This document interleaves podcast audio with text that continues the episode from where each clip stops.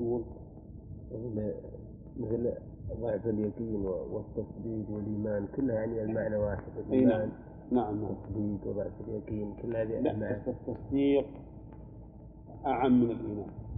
قد يصدق الإنسان ولا معه إيمان لأن الإيمان لا بد من طمأنينة وإقرار.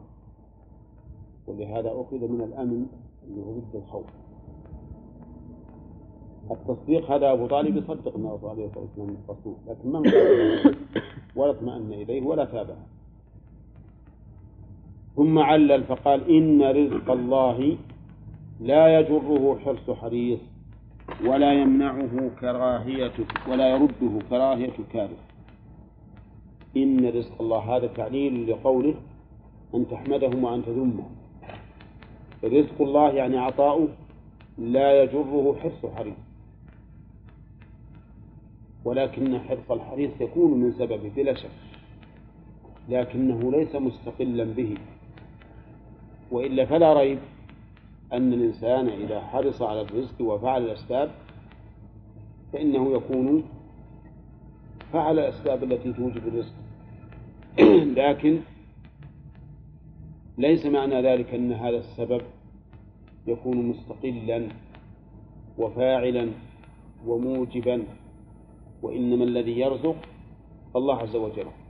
وكم من إنسان حريص على أن يرزق ويفعل كل الأسباب التي بها الرزق ولكن لا يقدر له الرزق. وكم من إنسان يفعل أسبابا قليلة جدا فيرزقه الله تعالى رزقا كثيرا. وكم من إنسان يأتيه الرزق بدون سعي منه. كما لو وجد ركازا في الأرض أو مات له قريب غني أو ما أشبه ذلك. المهم أن قوله عليه الصلاة والسلام إن رزق الله لا يجره حرص حريص ولا يرده كراهية كاره. لا تظن أن هذا يمنع فعل الأسباب. ولكنه يشير إلى أن الأسباب ليست موجبة وإنما الذي يقدر الشيء من؟ الله. وكم من إنسان فعل السبب ولم ينجح؟ وكم من إنسان فعل سببا خفيفا ورزق رزقا كثيرا؟ إن رزق الله لا يجره حرص حريص ولا يرده كراهية كاره.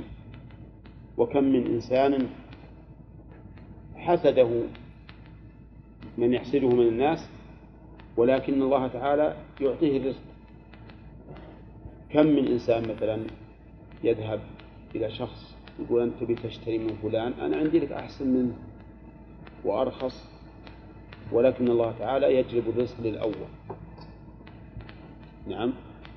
والله سبحانه وتعالى هو الذي بيده الأمور وعن عائشة رضي الله عنها قالت وعن عائشة رضي الله عنها أن النبي صلى الله عليه وسلم قال من التمس رضا الله بسخط الناس رضي الله عنه وأرضى عنه الناس.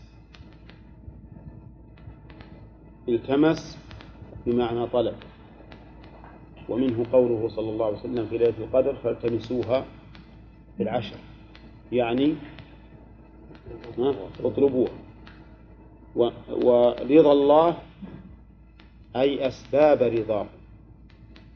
الأسباب التي بها يرضى نعم. وبسخط الناس البال العوض. يعني أنه طلب ما يرضي الله ولو سخط الناس به بدلا عن هذا الرضا. الجواب جواب الشرط رضي الله عنه وأرضى عنه الناس. هذا جواب الشرط. جواب من؟ رضي الله عنه واضح أن الله سبحانه وتعالى يرضى عن العبد. إذا التمس العبد رضا ربه بنية صادقة رضي الله عنه. لأن الله تعالى أكرم من عبده ولكن أرضى عنه الناس. كيف أرضى عنه الناس؟ يعني أن الله يلقي في قلوبهم الرضا عنه. لأن القلوب بين أصبعين من أصابع الله سبحانه وتعالى. يقلبها كيف يشاء فإذا أرضيت الله أرضى الله عنك الناس وكفاك مؤونتهم وعاد دامك من الناس حامدا لك لأنك التمست رضا الله وما همك أن يسخط الناس عنك فيما يرضي الله. وظاهر هذا الحديث العموم حتى لو كان الناس من أبويك. إذا التمس إذا التمست رضا الله في سخطهم فإن ذلك هو الواجب عليك. ويرضي الله عنك أبويك. يرضي الله عنك أبويك. ومن هذا النوع لو قالت لك أمك لا تزر أخوالك. كان بينه وبينها عداوة بينها وبين إخواتها وقالت لهم لا تزور. قالت لولدها لا تزور أخوالك. يطيعها؟ ها؟ تزعل عليه. ها؟ عجيب عجيب بقوة ولا وإذا قالت يا شيخ؟ إذا قالت لا تزر أخوالك إن زرتهم أنا هجرت. إن زرتهم هجرت. قالت هالكلام. إن زرتهم هجرتك. ما يزور. يزور ولا ما يزور؟ يزور. آه يزور. يزور. لأن زيارتهم من صلة الرحم وصلة الرحم مما يرضي الله. ولو سخطت فيه عليه. فتكون الآن التمست رضا الله بسخط الناس. فما هي إلا مدة يسيرة حتى ينقلب سخطها رضا. ينقلب سخط- سخطها رضا. لكن الآن الآن صار آه، سلد الرحم وقطعة الرحم هنا. الرحم القريب. يعني إيه لكن لكن- قطيعة الرحم بغير حق. الأم هي التي قطعت. أنا ما قطعتها أنا أنا زرت أخوال أخوالي وجيت أتحببه أحب راسه وقدميها وأقول يا أمي ارضي عني وتقول لا. نعم. هل أنا قطعتها؟ هي اللي قطعتني في الواقع. أنا ما رحت أمنع أمنع الفضل عنها وأعطيه ذولا نعم لو فرض أني أنا معي مئة ريال. إما أصل أمي ولا أصل أخوالي. أيهم أولى؟ أم هذه معصية تقول لا. لا لا تزورهم لا هذه لا شك أنها ما تطاع بهذا الشيء. والله عز وجل يقول وإن جاهداك على أن تشرك بي ما ليس لك به علم. جاهداك. يعني بدل الجهد والطاقة لتشرك بالله فلا تطعهم اي دعنا من من يكون يس- عاد يكون ي- يس- ي- يستعمل الحكمة لا بأس. استعمال الحكمة لا بد منه. يزورهم في السر ولا ولا حرج. لكن الكلام على أنها لو علمت بهذا يعني أو كان يعلم أنك لتعلم إذا زارهم. فالمهم أن نقول عموم قوله في الحديث من التمس رضا الله بسخط الناس يشمل مثل هذه الحال. أولى لأن الح- الحديث عام. رضي الله عنه وأرضى عنه الناس. أما رضا الله عنه فقد علمتم وجه ذلك لأن الله عز وجل أكرم من عبده فمن عمل له جازاه. وأما كون الله يرضي عنه الناس فلأن القلوب بيد الله عز وجل وهو الذي يقلبها كيف يشاء. ومن التمس إيش؟ رضا الناس بسخط الله. التمس بمعنى طلب. رضا الناس بسخط الله. يعني دور ما ي... طلب ما يرضي الناس ولو كان يسخط الله. النتيجة يعامل بنقيض قصده. يعامل بنقيض قصده. ويحرم ما يريد. ولهذا يقول سخط الله عليه وأسخط عليه الناس. سخط الله عليه وأسخط عليه الناس. هذا هو عقوبة والعياذ بالله من التمس رضا الناس بسخط الله. مثل لو أن أحدا أمرك بفعل معصية. بفعل معصية من المعاصي. وخفت أنه إذا لم تنفذ يزعل عليك. وفعلت المعصية إرضاء له معناها أنك؟ التمست رضا الناس بسخط الله. العقوبة أن الله يسخط عليك ويسخط عليك الناس. هؤلاء الناس يسخطون عليك. وهذا أمر مشاهد. كم من أناس نكلوا بمن يطيعهم في معصية الله والعياذ بالله أيا كان هذا الذي يأمر بمعصية الله لا تطيعه فإن الله تعالى يسخط عليك ويسخط عليك الناس هذا الحديث مناسبة الترجمة ظاهرة في قوله آه. في الجملة الأولى ولا الثانية؟ في الثانية الخوف. يلتمس رضا الناس خوفا منهم حتى يرضوا عنه خوفا من غضبهم عليه وزعلهم عليه. فإن الله تعالى يسخط عليه ويسخط عليه الناس. وفي هذا الحديث دليل على وجوب طلب المرء ما يرضي الله وإن سخط الخلق. لأن الذي ينفعك ويضرك الله عز وجل. وفي أيضا دليل على أنه لا يجوز للإنسان أن يلتمس ما يسخط الله من أجل إرضاء الناس كائنا من كان هذا الرجل. تنزل عليه السماء. نعم. وما تنزل عليه السماء ذهب إيه لكن رزق الله هو محصور بهذا بهذا الشخص. أن تقول ما تنزل عليه السماء ذهب يعني معناه أنه خلوه يداري الناس ولا ولا ولا يلتفت لما الله. إحنا نقول ما يتعين الرزق لهذا الرجل اللي- أنت خفت منه. الأرزاق واجد وأبوابها واجد. إنما أنت التمس رضا الله ولا يهمك أحد. وفي هذا الحديث دليل على ما ذهب إليه أهل السنة والجماعة. من إثبات الرضا لله والسخط. الرضا والسخط. وقد علمتم أن أهل التأويل أو بالأصح أهل التعطيل ينكرون ذلك. يقولون إن الله ما يمكن يسخط ولا يغضب. لأن الغضب معناه؟ غليان دم القلب لطلب الانتقام. وهذا لا يليق بالله سبحانه وتعالى. ولكنهم أخطأوا حيث فهموا من النص معنى فاسدا لا يدل عليهم. فهموا من النص أن أن غضب الله أو سخط الله مثل غضب المخلوق فأنكروا. وهذا لا شك أنه خطأ منهم لأن هذا التفسير للغضب إنما هو غضب من؟ غضب المخلوقين. ونقول لهم أيضا إحنا الآن يعني نرد عليهم بأمرين.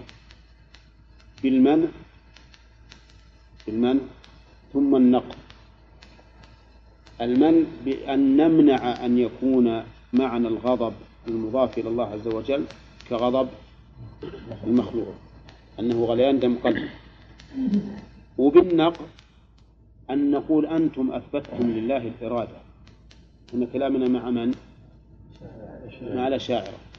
أنتم أثبتتم لله الإرادة والإرادة ميل النفس إلى جلب منفعة أو دفع مضر. والرب عز وجل لا يليق به ذلك. فإذا قالوا هم هذه إرادة المخلوق ها؟ نقول والغضب الذي ذكرتم هو غضب المخلوق. وحينئذ اعرف أو اعلم أن كل إنسان أبطل ظواهر النصوص بأقيسة عقلية فإن هذه الأقيسة باطلة. وأول وجوه بطلانها أنها تعطل دلالة النصوص.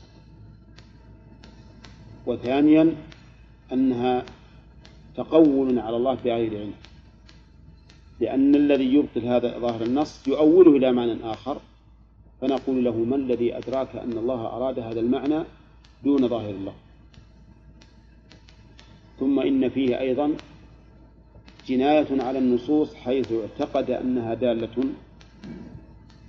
على التشبيه لأنه ما أول إلا علشان هذا. يكون معناه أنه ما فهم من كتاب الله وسنة رسوله إلا ما هو كفر وضلال. أو ما تصورت هذا. هم ما فهموا من ذلك إلا ما هو كفر وضلال وهو تشبيه الخلق بالمخلوق ومن أجل هذا الفهم الباطل ذهبوا يؤولون إلى إلى هذه المعاني. ثم إن فيها أيضا طعنا في الرسول صلى الله عليه وسلم وخلفائه الراشدين. لأننا نقول هذه المعاني التي أنتم صرفتم إليها النصوص هل الرسول عليه الصلاة والسلام وأصحابه يعلمونها أو لا يعلمونها إن قالوا لا يعلمون فقد اتهموهم بالقصور. وإن قالوا يعلمون لكن ما بينوها للناس فقد اتهموهم بالتقصير والخيانة. بالتقصير والخيانة. ولذلك لا تستوحش من نص دل على صفة لله سبحانه وتعالى لا تستوحش أن تثبتها لله. بس إنما يجب عليك أن تتجنب أمرين. وهما التمثيل والتكييف. ولا لا تستوحش. نعم. إذا أثبت الله لنفسه قدما لا تقول والله ما أقدر أثبت هذا شيء ما. إذا قال الله تعالى من أتاني يمشي أتيته هرولة لا تقول والله صعب إني أثبت الهرولة لله شلون الله يهرول؟ والهرولة هي المشي السريع. لا تستوحش من ذلك لأن اللي نقل هالكلام عن الله من؟ الرسول صلى الله عليه وسلم. والرسول أصدق الخلق وعالم الخلق بالله وأعلم الخلق بما يقول وأنصح الخلق للخلق وأبلغ الخلق أيضا. هذا مسلم ولا لا؟ مسلم. فهو أصدق الخلق ما يمكن يقول على الله شيء ما قاله الله أبدا. وهو أيضا أعلم الخلق بما يقول. يدري وش معنى هرولة. وهو أعلم الخلق بالله. في منازع بهذا ولا لا؟ وهو أنصح الخلق للخلق. هذه أربعة. وهو أفصح الخلق. هذه خمسة أمور كلها ثابتة. فيما يخبر به النبي عليه الصلاة والسلام عن ربه فأي إنسان يقول كيف كيف يصير هذا؟ وكيف أن نثبت هذا الشيء؟ هذا تقشعر منه الجلود وتقف منه الشعور نقول ما يقشعر منه إلا جن إنسان في قلبه مرض أما الذين آمنوا فإنها تقشعر منه جلودهم ثم تلين إلى ذكر الله وتطمئن صحيح أن الشيء في أول وهلة قد يجد الإنسان منه شيء بعض الشيء لكنه عندما يرجع إلى نفسه يلين ويذعن ويقر بالحق. ونحن الحمد لله ما كلفنا أكثر مما بلغنا. إذا كان القاضي وهو يقضي بين خصمين وش يقضي؟ بنحو ما؟ ها؟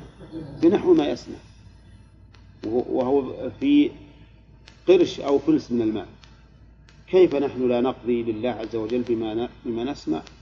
ونحن نعلم أن هذا الكلام صادر عن علم وصدق وبيان. والله تعالى أعلم بنفسه من غيره وهو أصدق حديثا من غيره وأحسن حديثا من غيره سبحانه وتعالى وهو يريد لعباده البيان. يريد, والله يريد الله ليبين لكم. ما يريد أنه يعمي عليهم الأمر يقول لهم أنه يمشي وهو يهرول وهو ما يهرول يقول أنه يغضب وهو ما يغضب. هذا خلاف البيان.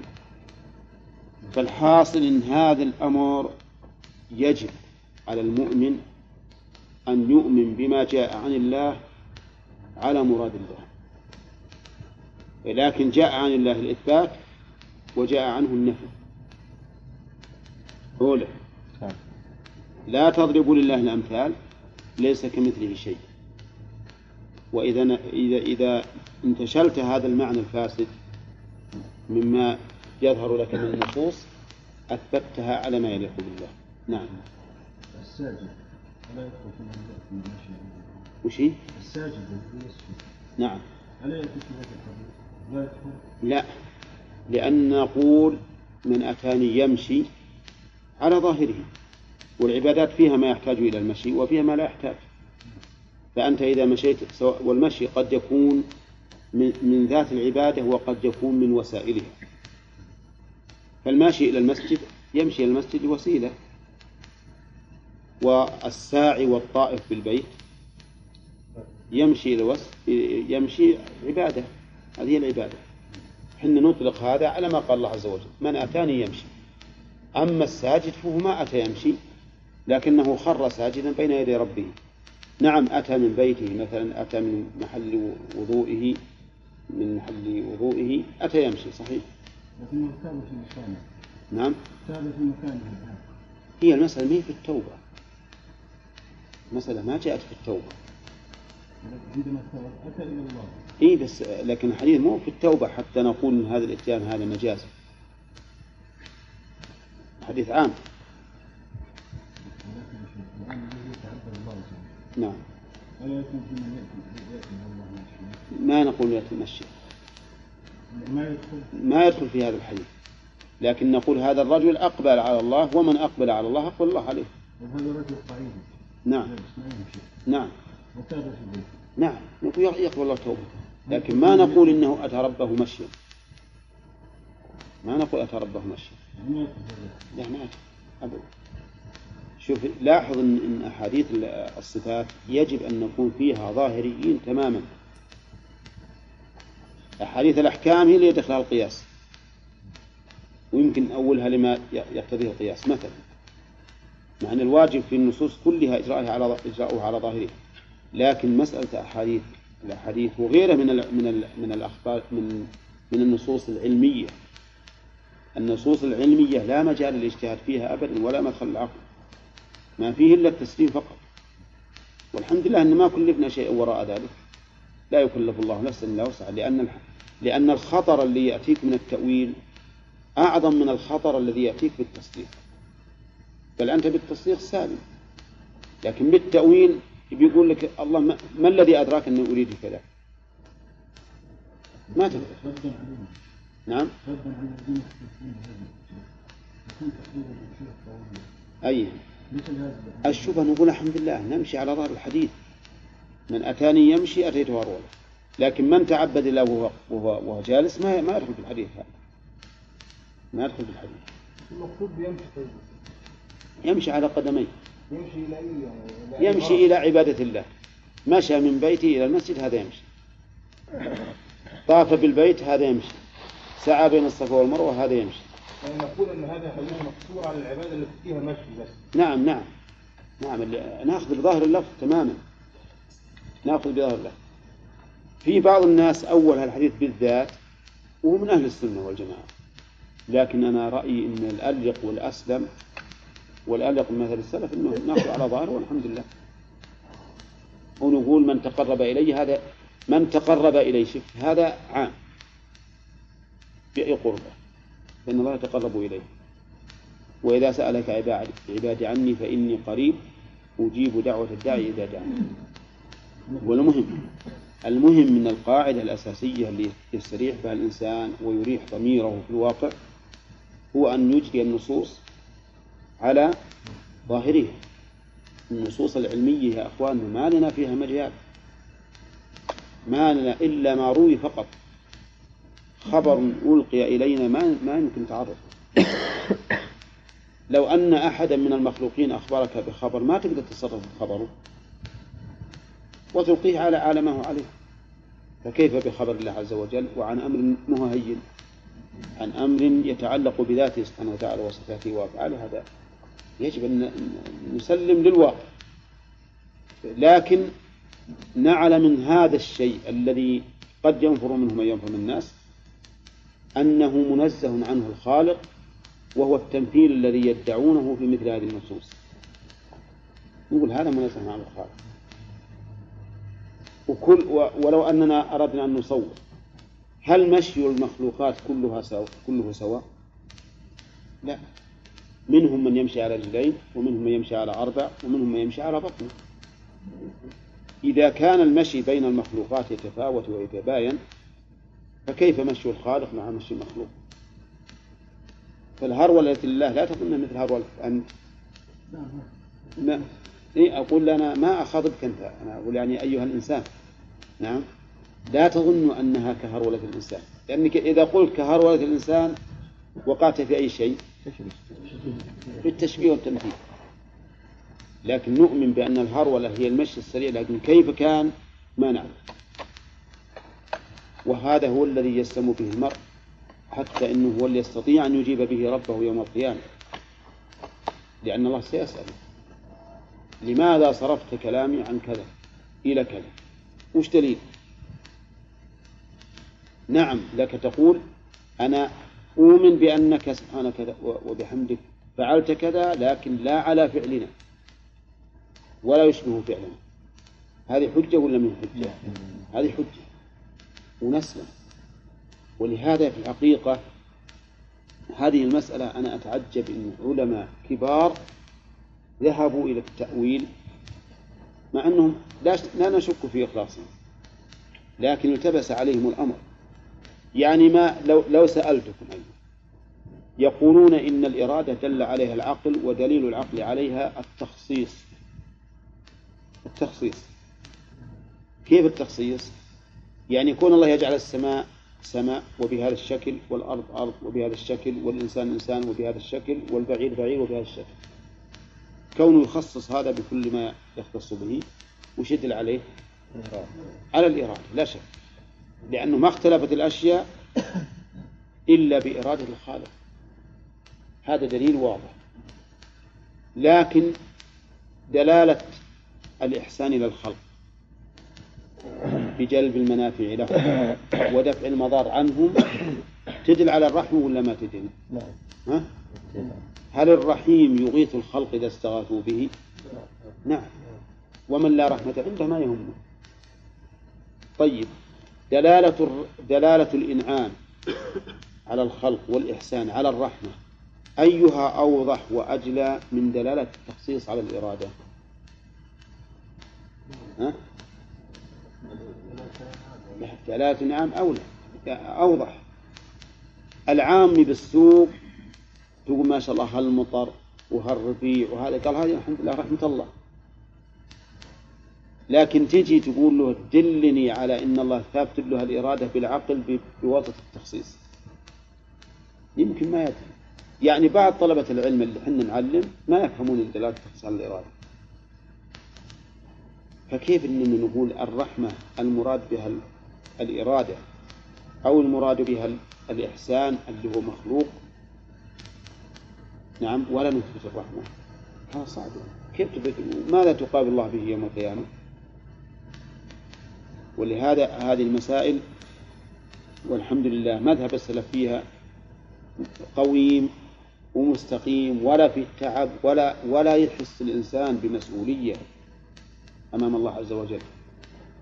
لأنه يقول يا رب بلغني عنك كذا إما في كتاب الله أو فيما أخبر به الرسول عنه ولا يكلف الله نفسا إلا وسعها.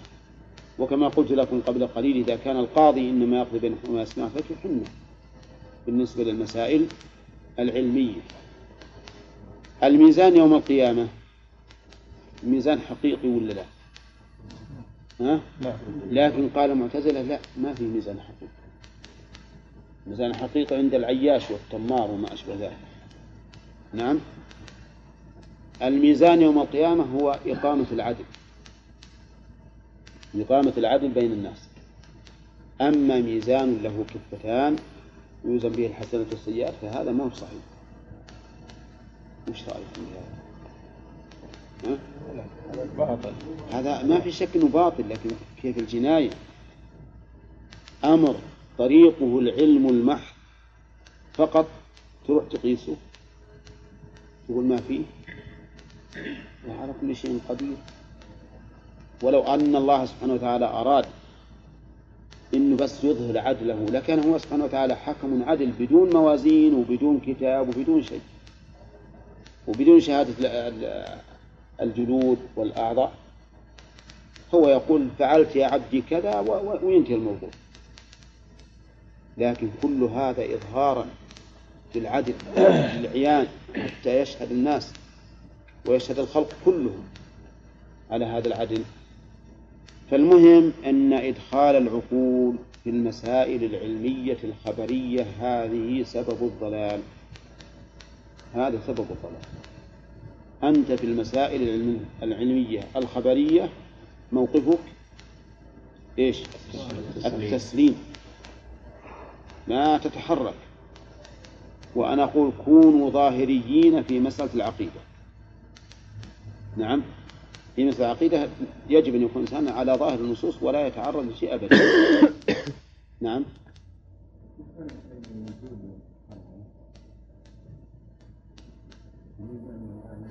إي نعم النزول ما نقول إنه بهرولة ولا بغير هرولة ما نعلم.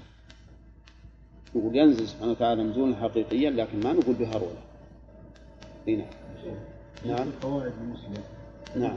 حديث من نفس الرحمن نعم. نعم. تقريبا ليس مثلا ليش؟ نفس الرحمن يعني النصر إي نعم صح. نعم.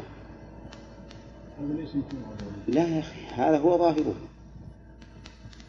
هذا هو ظاهره لأن ظاهر اللفظ ما دل عليه السياق. ظاهر اللفظ ما دل عليه السياق.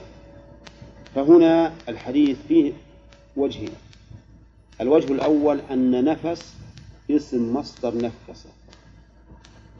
اسم مصدر نفس ينفس والمصدر ما هو المصدر؟ تنفيس نعم. ونفس اسم مصدر. مثل فرج يفرج تفريجا وفرجا. فإذا معنى نفس الرحمن أي تنفيسه. تنفيسه من قبل اليوم. هذه واحدة. الشيء الثاني إن نفس الرحمن لو فرض أنه نفس وأن الحديث يدل عليه لكان ما يأتي من قبل اليمن منين يأتي؟ من قبل السماء. من قبل السماء. ففي اللفظ ما يمنع أن يكون المراد به صفة. نعم. وأنت كلما تأملت لا تك لا يمكن إلا أن النصوص دلالتها حق. دلالتها حق. و من من أشكل ما يكون لكن الله بين سبحانه وتعالى. عبدي جعت وعبدي مرضت. لكن الله بينه في نفس الحديث وكما تعلمون. هذا مما يدل على أنه لو كان ظاهر النصوص باطلا لكان الله يبينه حتى لا يظن حتى لا يعتقد العباد فيه ما لا يليق به. وهذا أكبر دليل على أن جميع النصوص المحرفة كلها على غير جادة سليمة. لأن الله لو أراد بها خلاف ظاهر خلاف ظاهرها لكان يبينها للعباد. ما يخلي العباد في عماء إذا كان الله يا جماعة إذا كان الله بين لنا أشياء بسيطة. يا أيها الذين آمنوا إذا- قيل لكم تفسحوا في المجالس فافسحوا يفسح الله لكم في القرآن كلام الله. ما رأيكم بهذا الأدب؟ بالنسبة للعقيدة اللي هي أصل الإيمان. ها؟ هذا ما هو شيء بسيط. شيء بسيط ومع ذلك ما تركه الله لنا. ما ترك نصيب الزوجة ثمن من المال ونصيب الأم سدس من المال حتى بينه. وقسم كيف ما يبين ما يجب في في ذاته وما يمتنع وما يجوز. وكذلك الرسول صلى الله عليه وسلم كما قال الرجل المشرك لسلمان الفارسي قال علمكم رسولكم حتى القراءة. ها؟ علمنا كيف نجلس لقضاء الحاجة. يعمر مساجد الله من آمن بالله واليوم الآخر وأقام الصلاة وآتى الزكاة ولم يخشى إلا الله. وبينا أن وجه الشاهد من هذه الآية قوله ولم يخشى إلا الله. وأن الخشية يجب أن تكون لله وحده. نعم. الثالثة تفسير آية العنكبوت. وهي قوله ومن الناس من يقول آمنا بالله فإذا أوذي في الله جعل فتنة الناس كعذاب الله. فيفر من دين الله عز وجل خوفا من أذية الناس. وهذا وجه مناسبة للباب. نعم. الرابعة أن اليقين يضعف ويقوى. الخامسة من أين تؤخذ؟ من الحديث إن من ضعف اليقين أن ترضي الناس بسخط الله. وقد سبق لنا أن هذا هو الواقع أن اليقين يضعف ويقوى بسبب ما قام ما قام في العبد من أسباب القوة ومن أسباب الضعف. وأظن أننا استشهدنا بقول إبراهيم عليه الصلاة والسلام بلى ولكن ليطمئن قلبي. نعم. طيب لماذا؟ إذا نزل اليقين نعم. لا نسميه يقين ننزل إلى مستوى الجنون لا نقول يقين ضعيف. ها؟ نقول هو يقين ضعيف. بس إذا قلنا أن اليقين أعلى مرتبة من أي نعم. فنقول إن اليقين يضعف ويقوى. كما دل عليه الحديث. وكذلك الإيمان يضعف ويقوى. لا حتى لو لم يضعف واقع. يعني حتى حتى إذا وصل إلى أعلى درجاته فقد يكون هذا هذا العليا درجات أيضا. نعم. الخامسة علامة ضعفه ومن ذلك هذه الثلاث. وهي؟ نعم. وأن تحمدهم على رزق الله وأن تذمهم على ما لم يؤتك الله. هذه الثلاثة نعم. السادسة أن إخلاص الخوف لله من الفرائض. منين؟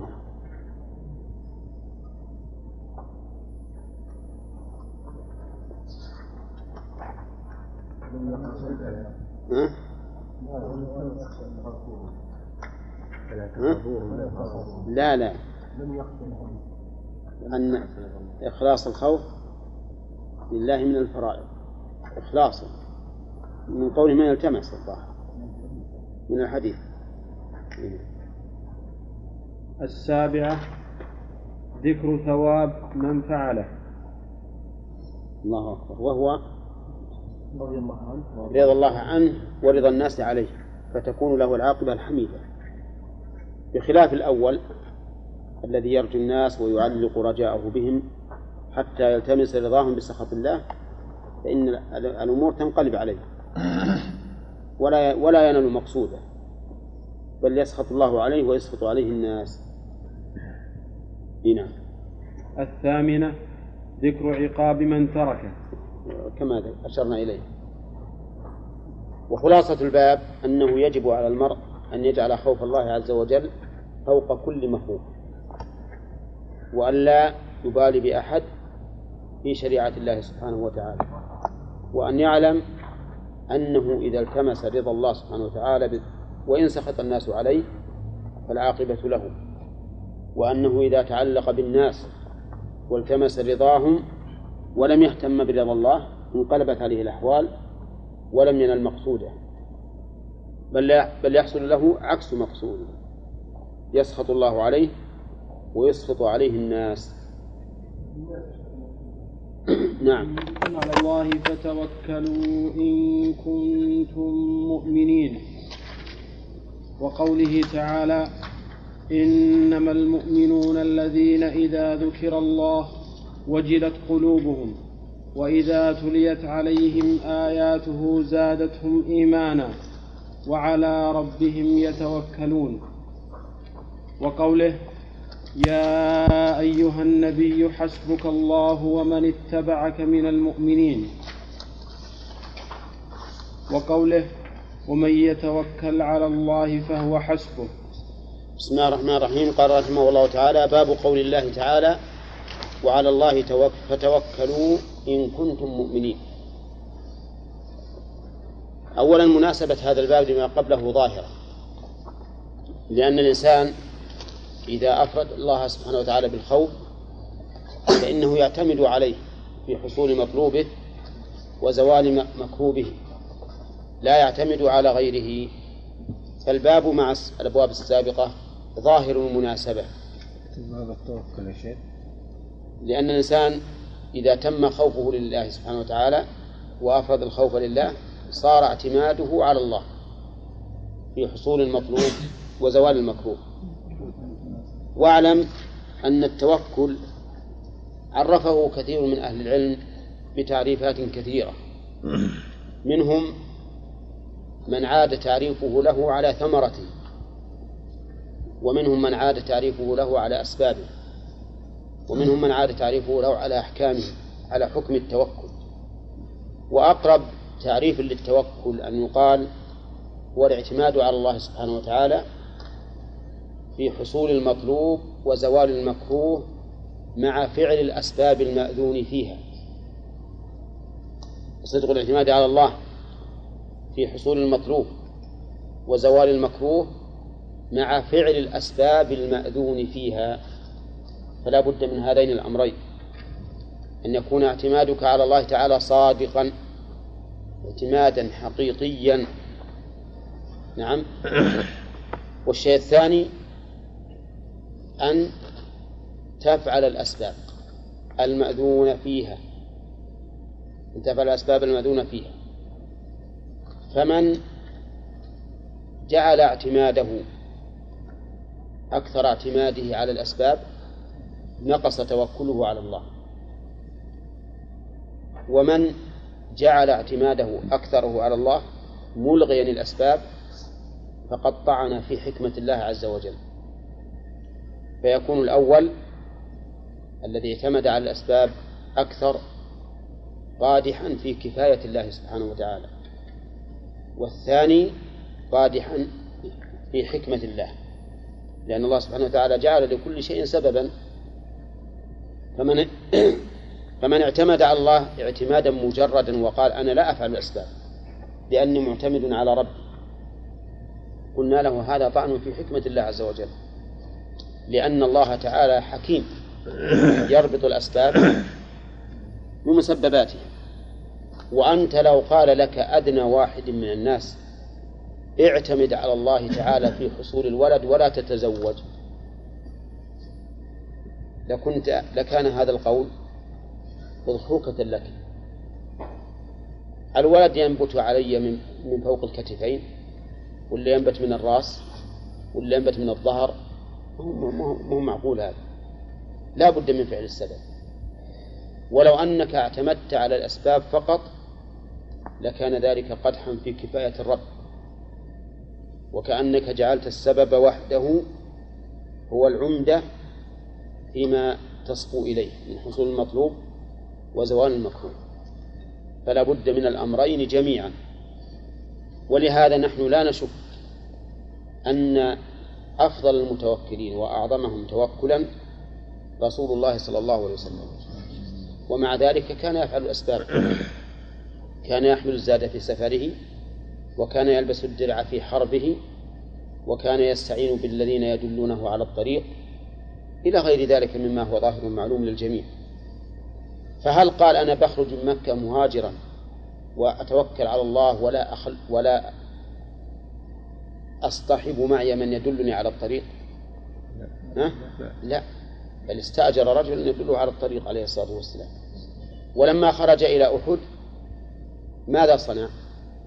ظاهر بين درعين. يعني لبس درعين اثنين. كل ذلك أخذا بالأسباب. وكان عليه الصلاة والسلام يتقي البرد ويتقي الحر ويتقي الضار. نعم. ويفعل جميع الأسباب المأذون المأذون فيه. المأذون فيها شرعا. وهل نقص ذلك من توكله؟ ما نقص. لكن إذا ترك الأسباب قيل له إن هذا طعن في حكمة الرب وتوكلك ضعيف. ولهذا يذكر عن عمر رضي الله عنه أنه جيء إليه بقوم من أهل اليمن. قدموا للحج بدون زاد. فسألهم قال نحن المتوكلون على الله. فقال لستم المتوكلين على الله بل أنتم المتواكلون نعم وهذا صحيح. واحد يخرج إلى البادية أو إلى السفر بدون زاد ولا مزاد ويقول والله أنا متوكل على الله. ما هو صحيح. هذا لا شك أنه طعن في حكمة الرب. إذا فتعريف التوكل هو صدق الاعتماد على الله عز وجل في جلب المنافع ودفع المضار مع فعل الأسباب المأذون فيها. ولا بد من هذا. حتى نكون آخذين بالكفاية وآخذين بالحكمة جميعا. لا يفوتنا هذا ولا هذا. واعلم أن التوكل نصف الدين. التوكل نصف الدين في الواقع. ولهذا نحن نقول في صلاتنا في كل صلاة. إياك نعبد وإياك نستعين. إياك نعبد وإياك نستعين. فنطلب منه العون اعتمادا عليه سبحانه وتعالى بأنه سيعين. ونعبده. وقال الله عز وجل للرسول صلى الله عليه وسلم فاعبده وتوكل عليه. وقال عليه توكلت وإليه أنيب. إلى غير ذلك من الآيات الدالة على أن الدين شطرين أو شطران عبادة وتوكل. ولا يمكن تحقيق العبادة في الحقيقة إلا بالتوكل على الله عز وجل. لأن الإنسان لو وكل إلى نفسه وكل إلى ضعف وعجز ولم يتمكن من الفعل فإذا هو يشعر حين يقوم بالعبادة أنه معتمد على الله عز وجل فينال بفعل العبادة أجرين أحدهما أجر التوكل والثاني أجر العبادة. ولكن ليت شعري ماذا نحن في هذا الأمر؟ هل الإنسان يشعر منا عندما يريد أن يفعل فعلا من العبادة أو العادة؟ أنه معتمد على الله في ذلك؟ أو أن الإنسان ينسى وما هو إلا دولاب يدور ويفعل ما يريد أن يفعل. نعم. عجيب بالصراحة الصدق الغالب الثاني. الغالب أنه الثاني. وأن مقام التوكل عندنا ناقص جدا. ما نشعر عندما نفعل الفعل أننا معتمدون على الله عز وجل وبمعونته وإمداده وإعداده ننال. هذا الفعل. عندنا نقص عظيم في التوكل في الحقيقة لأننا نعتمد في الغالب على الأسباب الظاهرة. وننسى ما وراء ذلك. فيفوتنا خير كثير. ما الذي يفوتنا؟ يفوتنا أولا ثواب هذه العبادة التي هي التوكل. هذا واحد. وهذا حرمان عظيم. يفوتنا أيضا أننا قد لا نوفق لكمال العبادة كما هو الغالب كثيرا. لا نوفق لكمالها. نعم سواء حصل لنا عوارض توجب انقطاعها أو عوارض توجب نقصها وهذا أمر معلوم والإنسان يشهده من نفسه. لذلك يجب علينا من الآن أن نصحح مقام التوكل. نصحح مقام التوكل وأن نكون في عباداتنا وعاداتنا وجميع أحوالنا متوكلين على الله عز وجل آخذين بالأسباب النافعة التي أذن الله فيها واضح؟ وبعد هذا ونحن الآن نتكلم على التوكل على أنه منزلة من منازل السائرين إلى الله وأنه ينبغي للإنسان أن يحققه تماما. بعد هذا نرجع إلى الأحكام التكليفية بالنسبة للتوكل. فنقول إن التوكل ينقسم إلى إلى ثلاثة أقسام. التوكل ينقسم إلى ثلاثة أقسام. أحدهما بل أحدها توكل العبادة وهو الاعتماد المطلق على المتوكل عليه بحيث يعتقد أن هذا المتوكل عليه بيده جلب الخير ودفع الضير. فهذا النوع يجب إخلاصه لله. ومن صرفه لغير الله فهو مشرك شركا أكبر.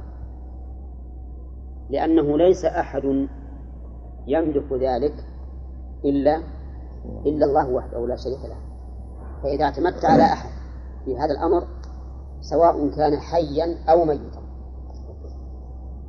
فإنك مشرك شركا أكبر. وهذا في الحقيقة لا يعتمد الإنسان عليه إلا وهو يعتقد أن هناك سبب خفي يوجب جلب المنفعة له أو دفع المضرة عنه. وهذا هو الشرك الأكبر نسأل الله السلامة والعافية. القسم الثاني الاعتماد على الشخص. في رزقه ومعاشه وما أشبه ذلك فهذا قال أهل العلم إنه من الشرك الأصغر وبعضهم قال من الشرك الخفي. مثل اعتماد كثير منا على المالية. في في إيش؟ في الراتب. في الراتب. ولذلك تجد الإنسان يشعر من نفسه أنه معتمد على هذا. اعتماد افتقار.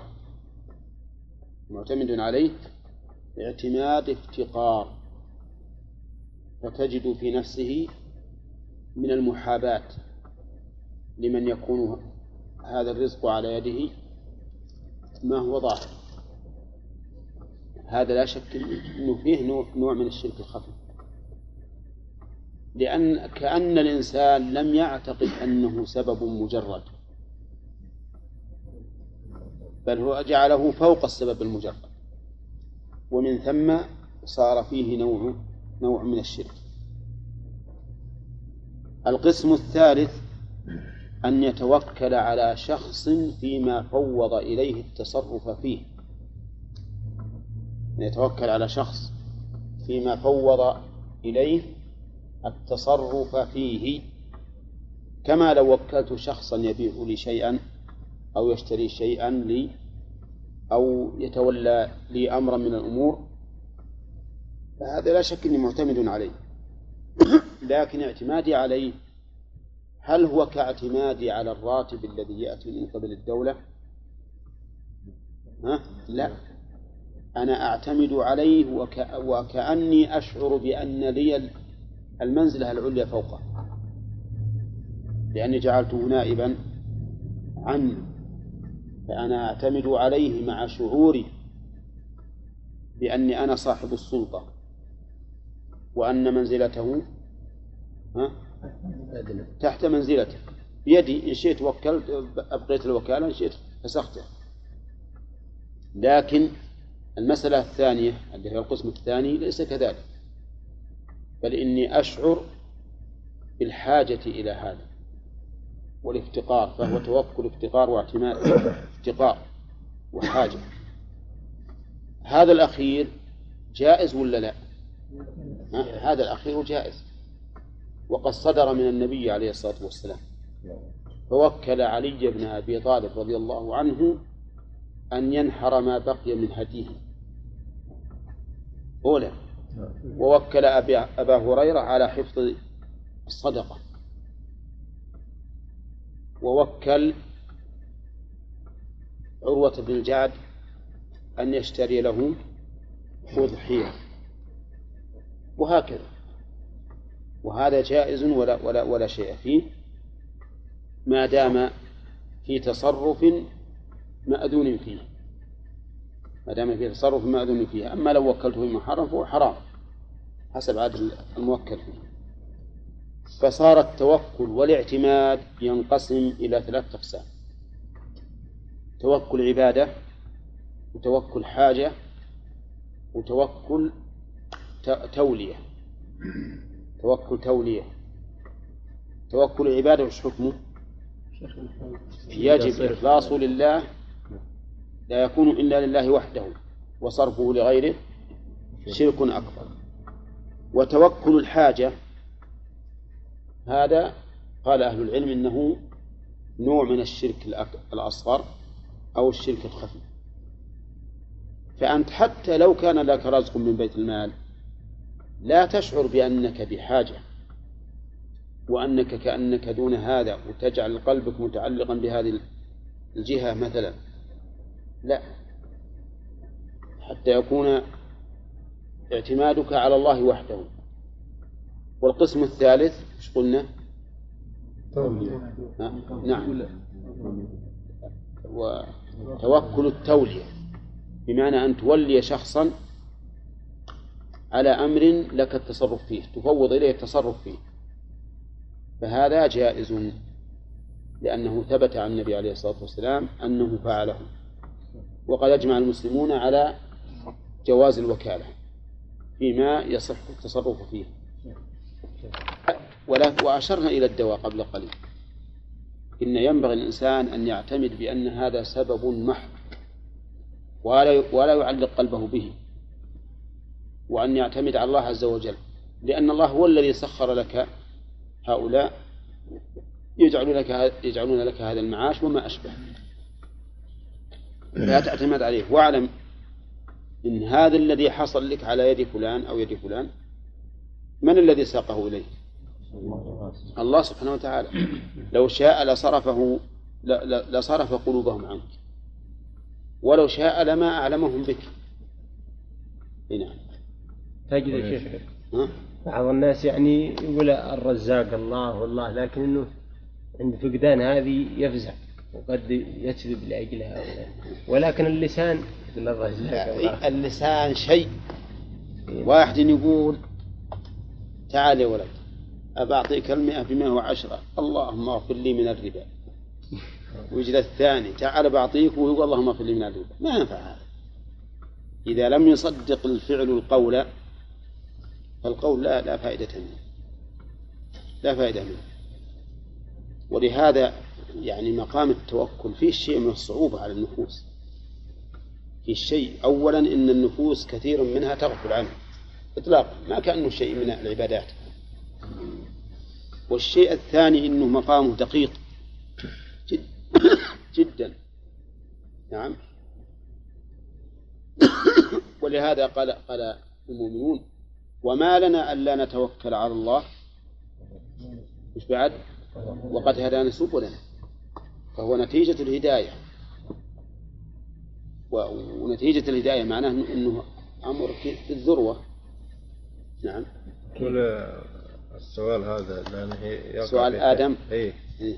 مثل واحد أبوه ضابط ولا رئيس ولا هذا يعني يطمع أنه لو فعل بعض الأشياء متكل عليه أنه يخلصه من أي هذا هذا نوع من الشرك الخفي أو الشرك الأصغر.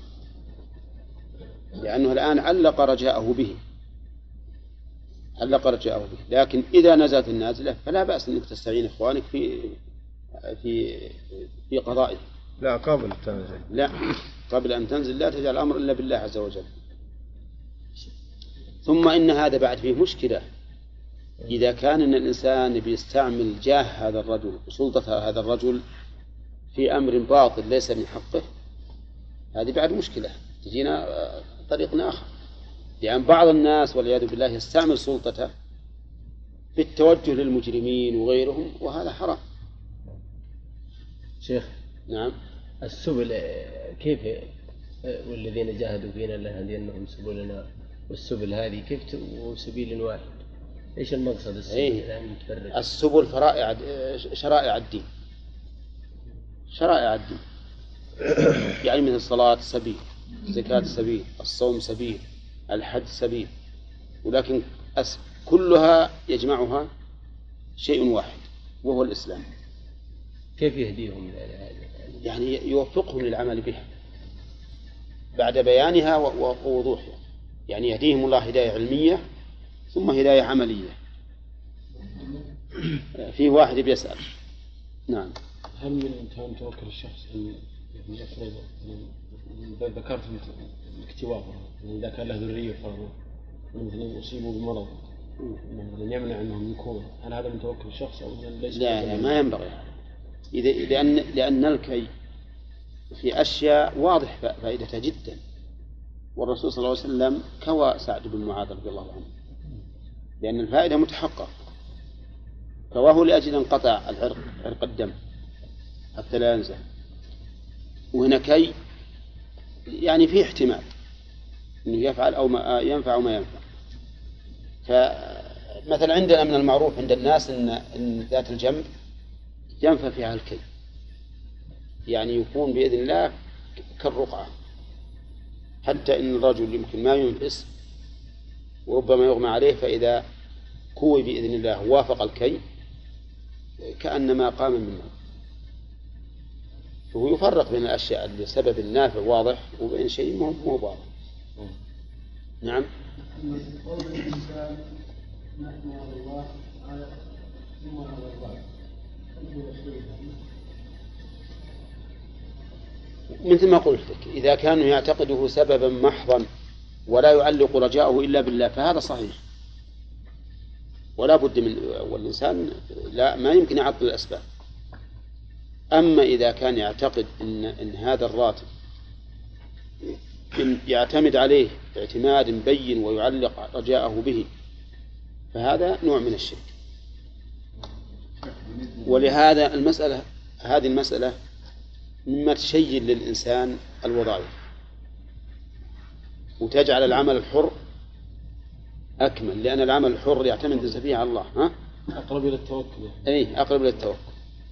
تجعله يعتمد على الله عز وجل وإن كان العمل الحر فيه بعد بعض الأشياء لكن على كل حال ما من شيء إلا فيه, بلاء. ما في شيء يسر.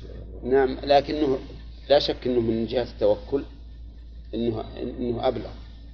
ولهذا جاء في الحديث الصحيح لو أنكم توكلون على الله حق توكله لرزقكم كما يرزق الطير. تغدو خماصا يعني تروح في أول النهار جائعة وتروح بطانة. تروح تدور الرزق على ربه عز وجل وهي خالية البطون. ما ترجع إلا في الآن. الله نعم. نعم. التطعيم ضد الأمراض إذا كان مما مما مما هو معلوم. النفع. فهذا من الأسباب. فهذا من الأسباب. مثل ما أن الإنسان يتوقع البرد قبل أن ينزل به. وأما إذا كان أوهام فقط أو خيالات فلا فلا يعتمد عليها. طيب. الآن فهمنا أقسام التوكل من حيث الحكم التكليف لكن من حيث المنزلة والمرتبة في العبادة فهمنا أنه نصف الدين لأن الله تعالى يذكره قرينا للعبادة.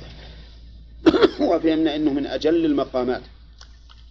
وأنه ينبغي الإنسان ونسأل الله تعالى أن يعيننا وإياكم ينبغي الإنسان أن يكون دائما نصب عينيه حتى في وضوئه وصلاته وأكله وشربه ولبسه في كل شيء. يكون مصاحبا يعني يكون مصطحبا للتوكل على الله في جميع شؤونه حتى يكون ممن حقق التوكل تماما. وبهذا يكون حقق هذه المنزلة. قال شيخ الإسلام رحمه الله ولا يمكن للمعطلة أن يتوكلوا على الله. ولا للمعتزلة القدرية أن يتوكلوا على الله.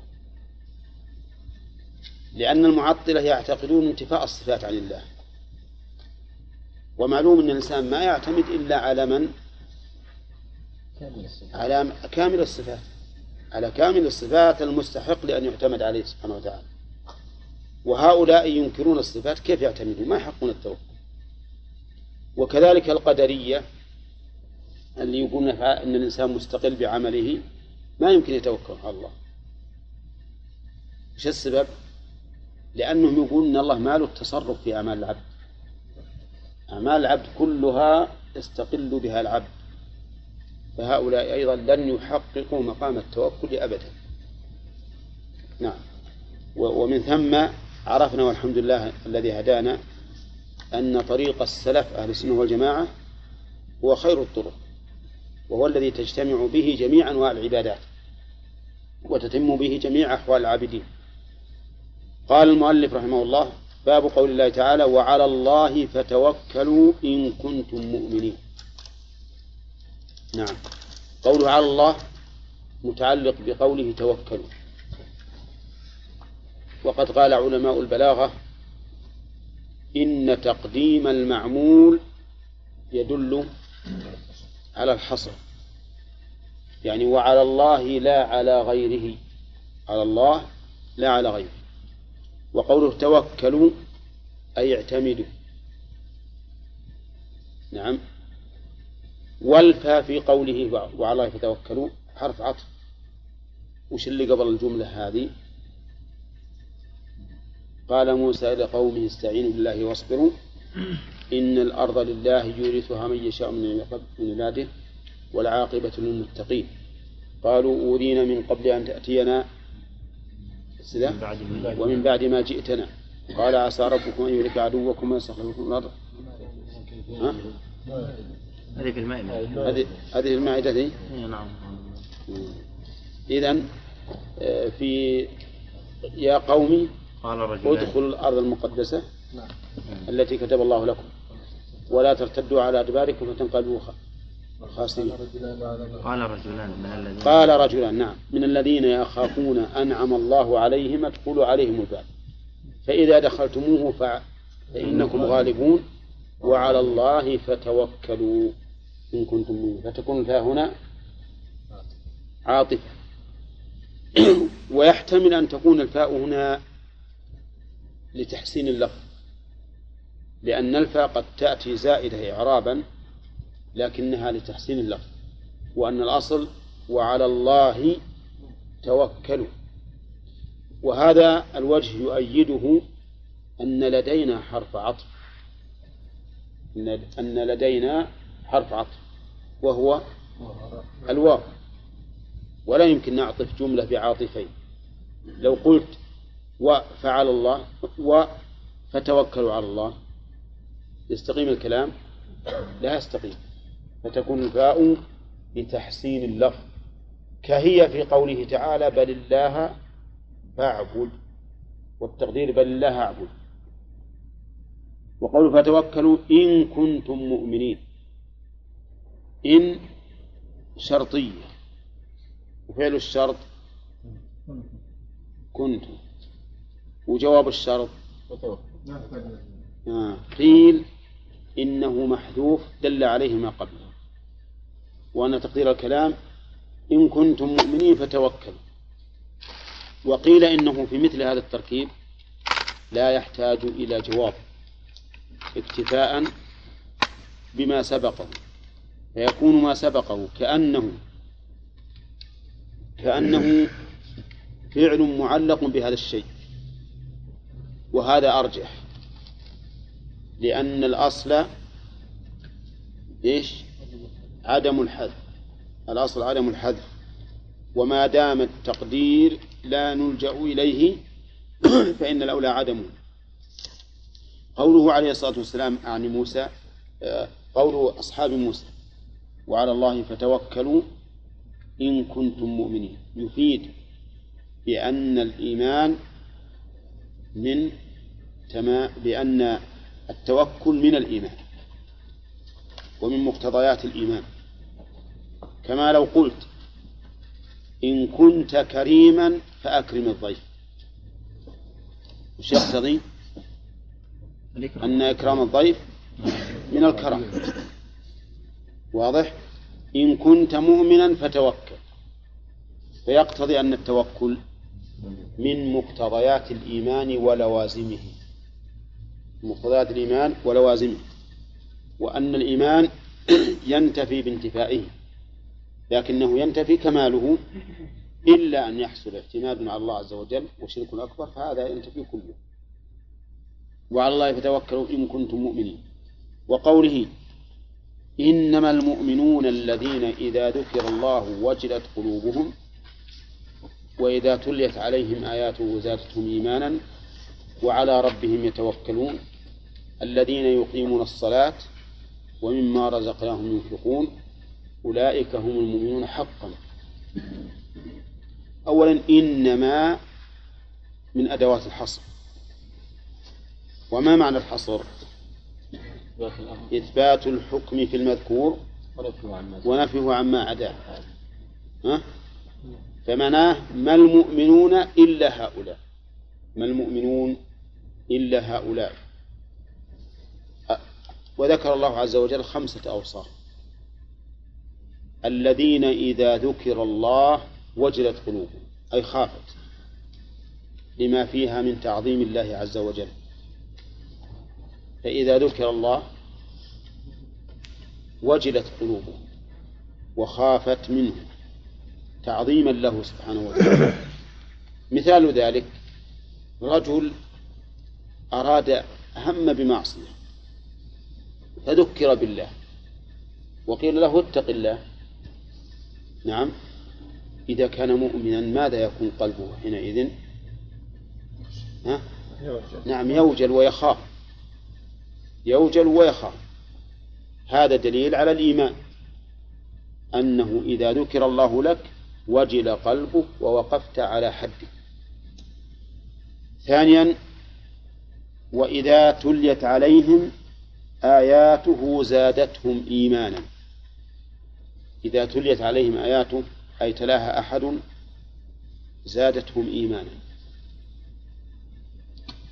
وهذا فيه دليل على أن الإنسان قد ينتفع بقراءة غيره أكثر من انتفاعه بقراءة نفسه. إذا تليت عليهم الآيات ازدادوا إيمانا بالله عز وجل.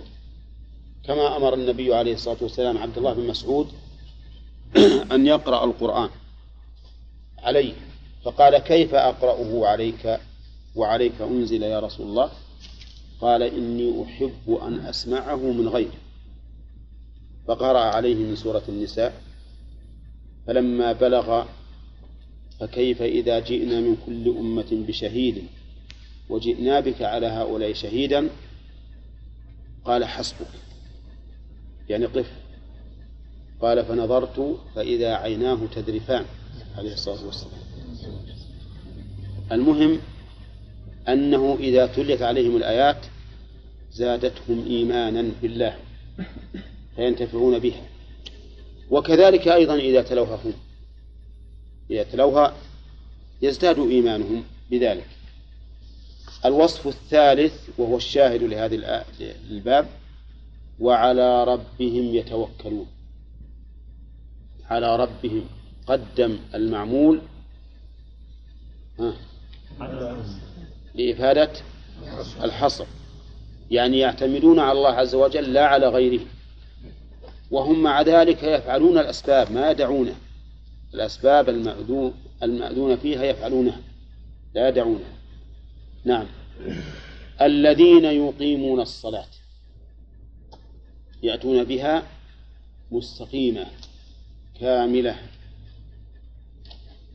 والصلاة اسم جنس تشمل الفرائض والنوافل. ومما رزقناهم ينفقون من للتبعيض أو للجنس. نعم. أيهما؟ يحتمل إن قلنا مما رزقناهم ينفقون للتبعيض صار صار الله يمدح من أنفق بعض ماله لا من أنفق كل ماله.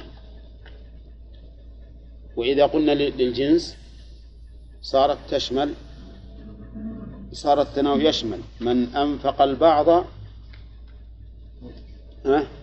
ومن أنفق الكل. وقول مما رزقناهم ينفقون يدخل بها الزكاة ولا لا؟ تدخل فيه من باب أولى هي على رأس ما ينفق. هذه الصفات الخمس. أقول إذا كانت من للتبعيض فالثناء على من أنفق البعض وأبقى لنفسه البعض. ومن وإذا كانت للجنس فالثناء يشمل من أنفق الكل ومن أنفق البعض. هنا. طيب هذه الصفات الخمس. جعل الله الإيمان منحصرا فيها فقط. وها هنا سؤالان. السؤال الأول هل من لم يكن على هذا الوصف لا يكون مؤمنا؟ نعم. السؤال الأول يتوجه على هذا السؤال. الآن الحصر واضح. حصر الإيمان في من اتصف بهذه الصفات الخمس. فالسؤال الآن هل الإيمان منحصر بهذه الخمس؟ وهل من لم يقم بها لا يكون مؤمنا؟ يعني سؤالنا الآن. نعم الأخير هل تفيد الآية أن من لم يتصف بهذه الصفات لم يكن مؤمنا؟ نعم. هذه واحدة.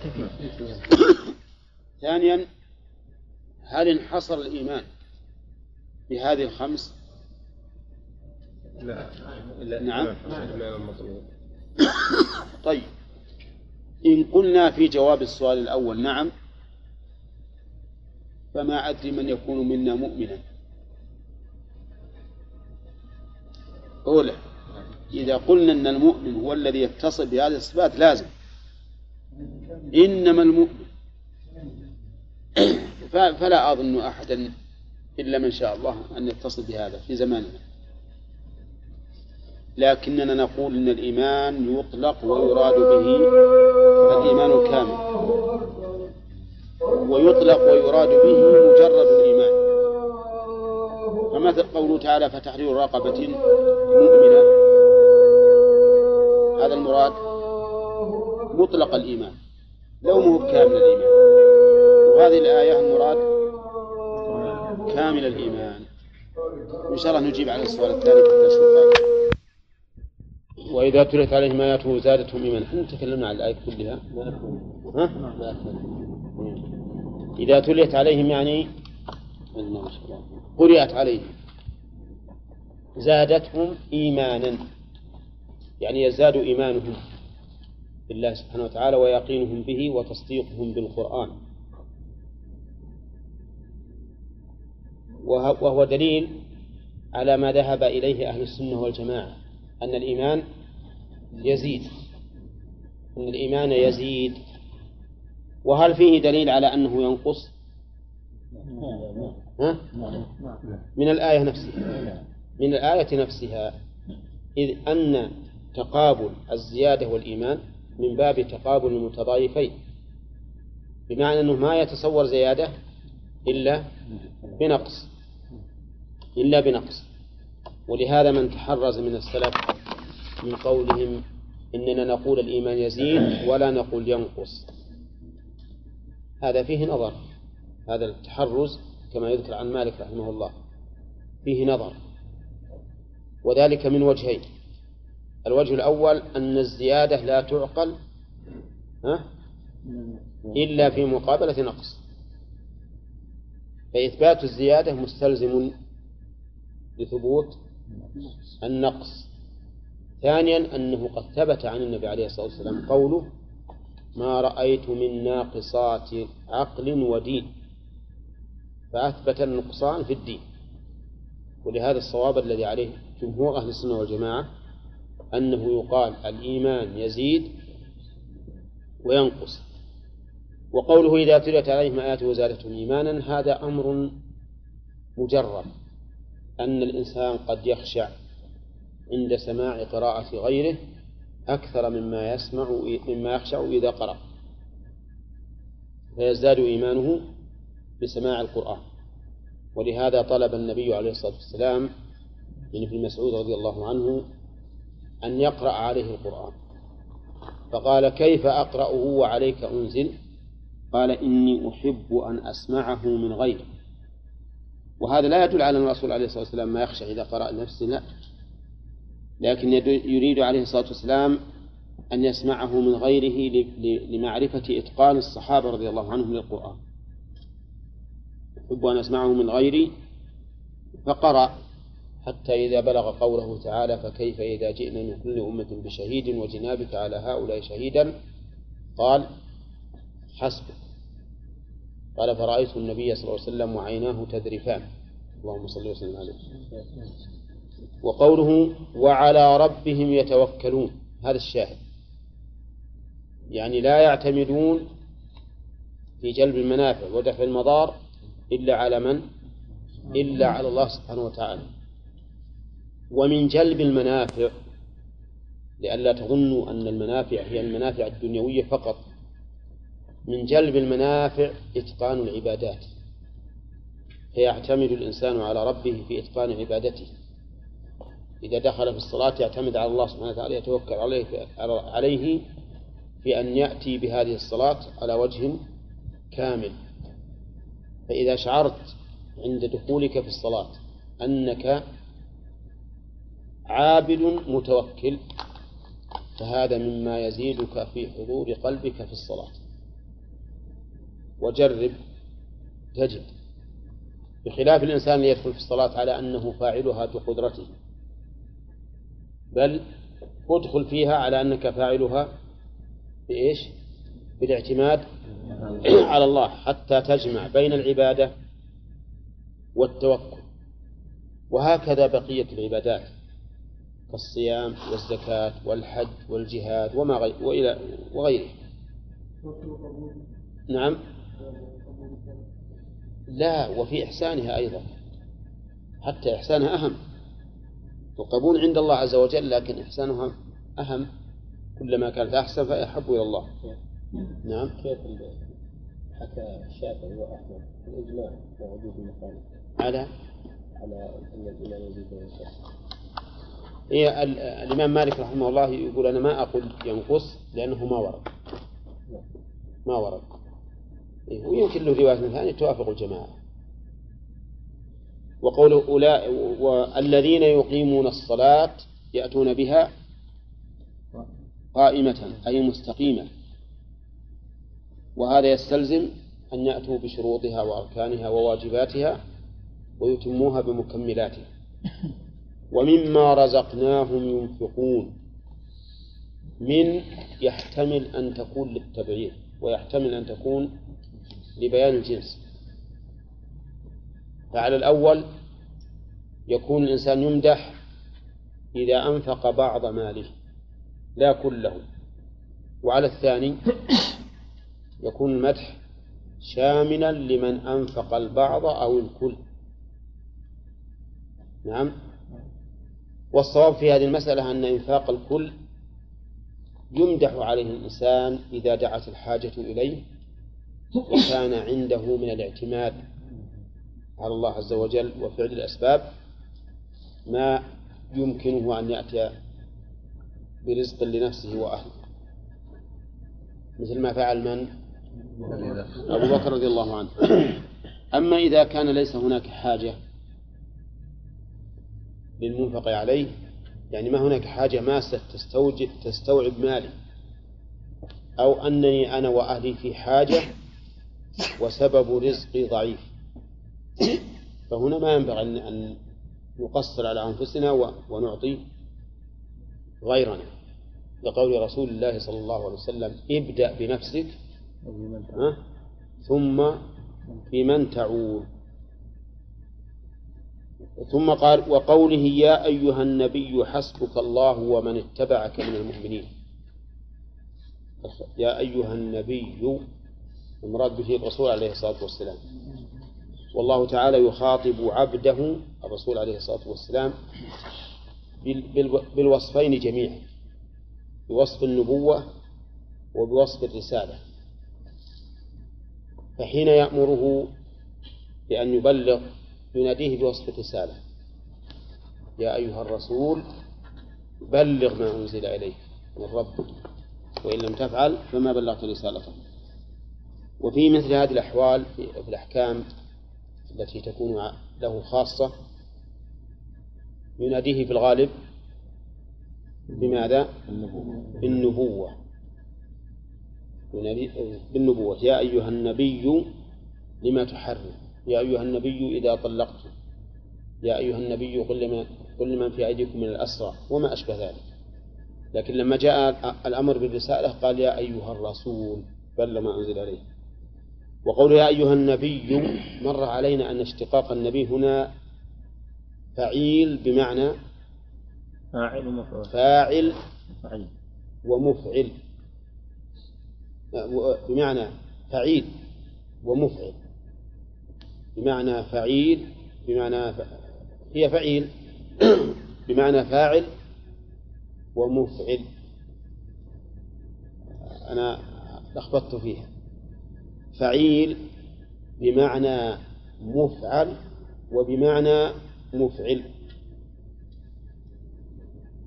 ففعيل بمعنى مفعل أي منبأ وبمعنى مفعل أي منبئ والرسول عليه الصلاة والسلام منبأ منبئ ولا لا؟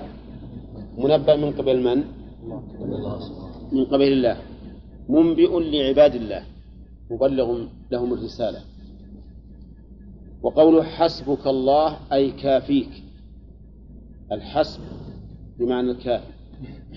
ومنه أعطني درهما فحسب أي فهو كفاية. فالحسب بمعنى الكافي. وقوله حسبك الله ما إعرابها؟ حسب حسب خبر مقدم. نعم. والله مبتدا مؤخر. ويجوز العكس. يجوز العكس. بأن يكون المعنى ما حسبك إلا الله. ما حسبك إلا الله. وعلى هذا فتكون حسب مبتدا والله خبر. أما على الأول فالمعنى ما الله إلا حسبك. إذا قلنا الله حسبك الله وحده حسبك. طيب وقوله ومن اتبعك من المؤمنين ومن اتبعك. من هذه اسم موصول وهي مبنية على السكون. ولا تظهر عليه الحركة. فهل هي معطوفة على الكاف لقوله حسبك الله؟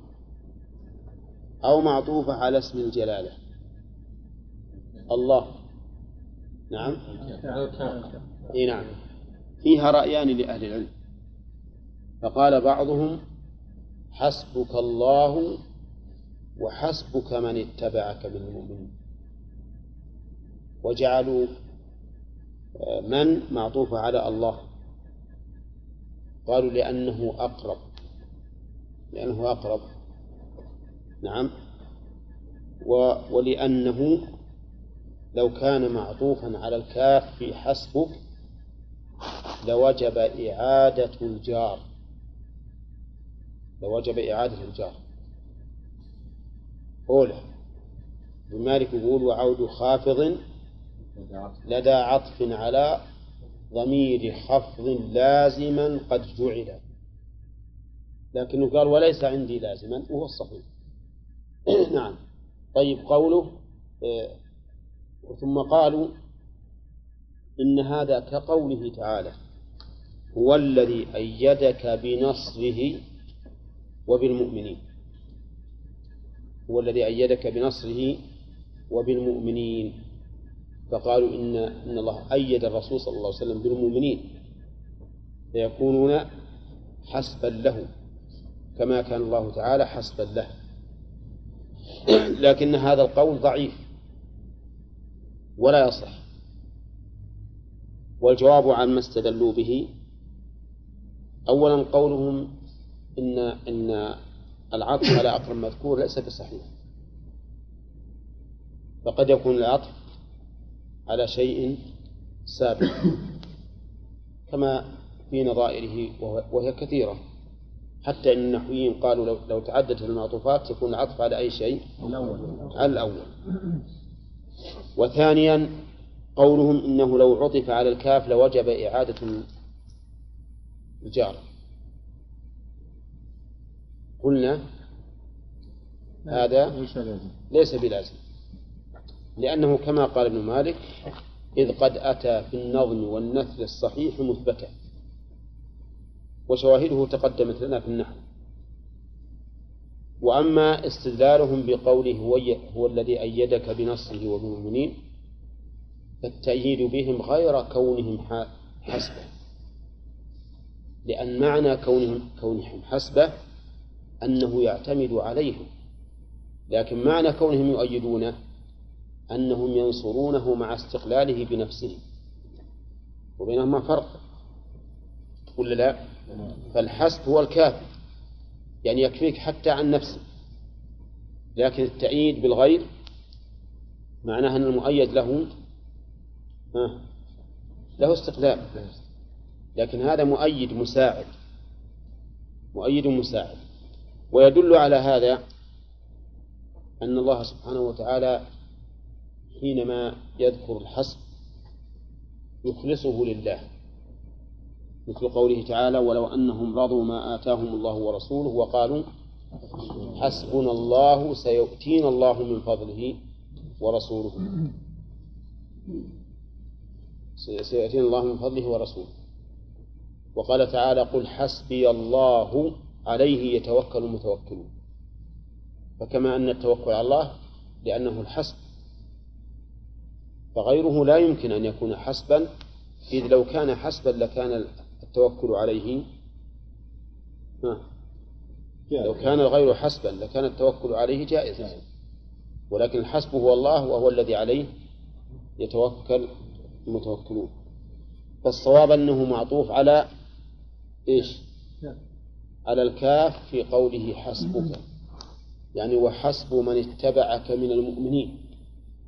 فتوكلوا عليه جميعا. أنت ومن اتبعك. ثم إن في قوله ومن اتبعك هذا اللفظ فيه ما يمنع أن يكون الرسول أن يكون الصحابة حسبا للرسول صلى الله عليه وسلم. وجه ذلك أنهم تابعون أتباع. فكيف يكون التابع حسبا للمتبوع؟ هذا لا لا يستقيم أبدا. والصواب المتعين أن الآية معناها حسبك وحسب من اتبعك والله تعالى كافي الجميع. قال وقوله ومن يتوكل على الله فهو حسبه. ومن يتوكل على الله فهو حسبه. هذه جملة شرطية تفيد بمنطوقها معنى وتفيد بمفهومها معنى آخر. المنطوق أن من يتوكل على الله فإن الله يكفيه مهماته. وييسر له أمره. ولم يقل الله تعالى ومن يتوكل على الله فإنه لا يجد من يؤذيه. قال فهو حسبه. كافيه ما أهمه حتى لو حصل عليه بعض الأذية من أعدائه فإن الله تعالى يكفيه. شرهم فلا يصلون إلى الغاية. وإلا فالرسول صلى الله عليه وسلم سيد المتوكلين ومع ذلك يصيبه الأذى. لكن الله حسبه كفيه حتى لو حصل الأذى ما تحصل المضرة. لا بد أن تكون النتيجة لهذا الذي اعتمد على الله. أما مفهوم الآية من توكل على غير الله خذل لأن غير الله لا يكون حسبا كما تقدم لنا قبل قليل. فقد توكلت على غير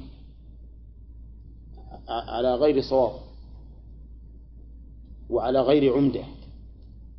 فمن توكل على غير الله خذل ومن توكل على غير الله ابتعد عن الله في مقدار توكله على غيره. لأن النفس بشرية إذا اعتمدت على شيء اتكلت عليه ونسيت ما سواه. فلهذا من توكل على الله تخلى الله عنه والعياذ من توكل على غير الله تخلى الله عنه والعياذ بالله. وصار موكولا إلى هذا الشيء ومن وكل إلى غير الله فإنه ضائع. فإنه ضائع ولا يحصل له المقصود. فصار في الآية حكمان منطوق ومفهوم. قال وعن ابن عباس رضي الله عنه قال حسبنا الله ونعم الوكيل قالها إبراهيم عليه السلام حين ألقي في النار وقالها محمد صلى الله عليه وسلم حين قال له حين قال حين إيش؟ قالوا له إن الناس قد جمعوا لكم فاخشوهم فزادهم إيمانا وقالوا حسبنا الله ونعم الوكيل. أما كون محمد صلى الله عليه وسلم قاله فهذا في نص القرآن. أولى. قال الله تعالى الذين قال لهم الناس إن الناس قد جمعوا لكم فاخشوهم فزادهم إيمانا. فمن الناس الذين قالوا هذا القول؟ إن الناس قد جمعوا لكم هم الركب الذين أوصاهم أبو سفيان أن يبلغوا الرسول صلى الله عليه وسلم بأنه قد جمع لهم. وكان أبو سفيان بعدما انصرف من أحد أراد أن يرجع إلى النبي عليه الصلاة والسلام وأصحابه حتى يقضي عليهم بزعمه. فلقي ركبا فقال إلى أن أين تذهبون؟ قالوا نذهب إلى المدينة. قال بلغوا محمد وأصحابه أنا راجعون إليهم فقاضون عليهم فجاء الركب إلى المدينة فبلغوا فقال الرسول عليه الصلاة والسلام ومن معه؟ حسبنا الله ونعم الوكيل. وخرجوا في نحو سبعين راكبا حتى بلغوا حمراء الأسد. فماذا حصل؟ أبو سفيان تراجع عن رأيه.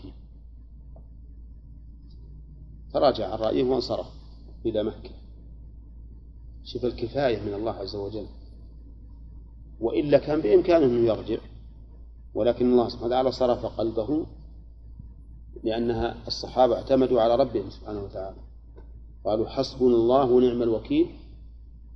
فانقلبوا بنعمة من الله وفضل لم يمسسهم سوء واتبعوا رضوان الله. طيب إذن قال لهم الناس الناس الأولى من المراد بها؟ الركب. إن الناس من المراد بهم؟ أبو سفيان ومن معه. أبو سفيان ومن معه. كلمة الناس يمثل بها الأصوليون للعام الذي أريد به الخصوص. للعام الذي أريد به الخصوص. هذا عام الناس ما هم كل الناس. أولى ها؟ إن الناس قد جمعوا لهم كل الناس جمعوا لهم؟ لا. فهو عام أريد به الخصوص. وقد مر في أصول الفقه أن العام هناك عام مخصوص وعام أريد به الخصوص ولكن ليس هذا الموضع ذكر الفرق بينهما. إن الناس فاخشوهم. فزادهم إيمانا وقالوا حسبنا الله كافين. ونعم الوكيل نعم فعل ماضي والوكيل فاعل والمخصوص محذوف. وش التقدير؟ هو أي الله. ونعم الوكيل هو. والوكيل هنا المعتمد عليه سبحانه وتعالى. واعلم أن الله سبحانه وتعالى يطلق عليه اسم وكيل وهو أيضا موكل فهو وكيل وموكل. كيف وكيل موكل؟ أما الوكيل ففي مثل هذه الآية نعم الوكيل. وكذلك قال الله تعالى وكفى بالله وكيلا. وأما الموكل فقال تعالى فإن يكفر بها هؤلاء فقد وكلنا بها قوما ليسوا بها بكافرين. ولكن يجب أن تعلم أنه ليس المراد بالتوكيل هنا الإنابة الإنابة أو ليس المراد بالتوكيل الإنابة عن الغير فيما يحتاج إلى الاستنابة فيه. أولى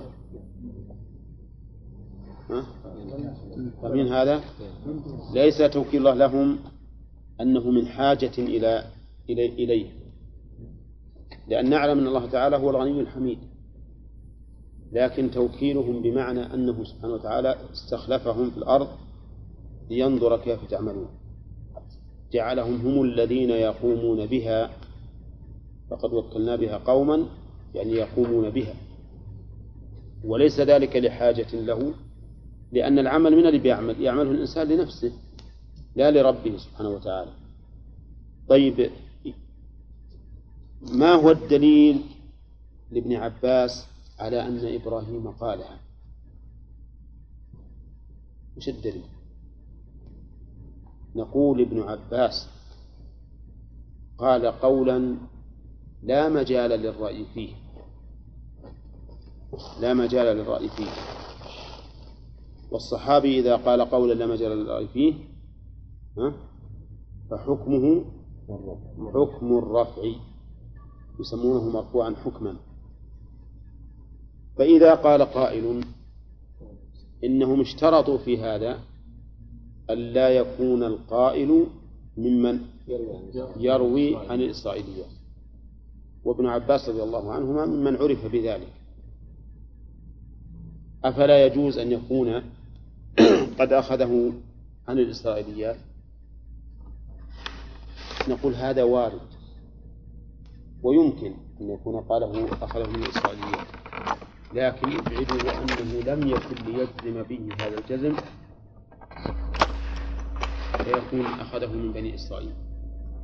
فجزمه بهذا وقرنه بما قاله النبي عليه الصلاة والسلام وأصحابه عندي أنه يبعد أن يكون مما أخذه عن بني إسرائيل. ويتعلق في قضية إبراهيم عليه الصلاة والسلام يتعلق مسألتان أحب أن ننبه عليهما وإن كانتا ليستا من موضوع الدرس. المسألة الأولى أنه يقال إن إبراهيم لما ألقي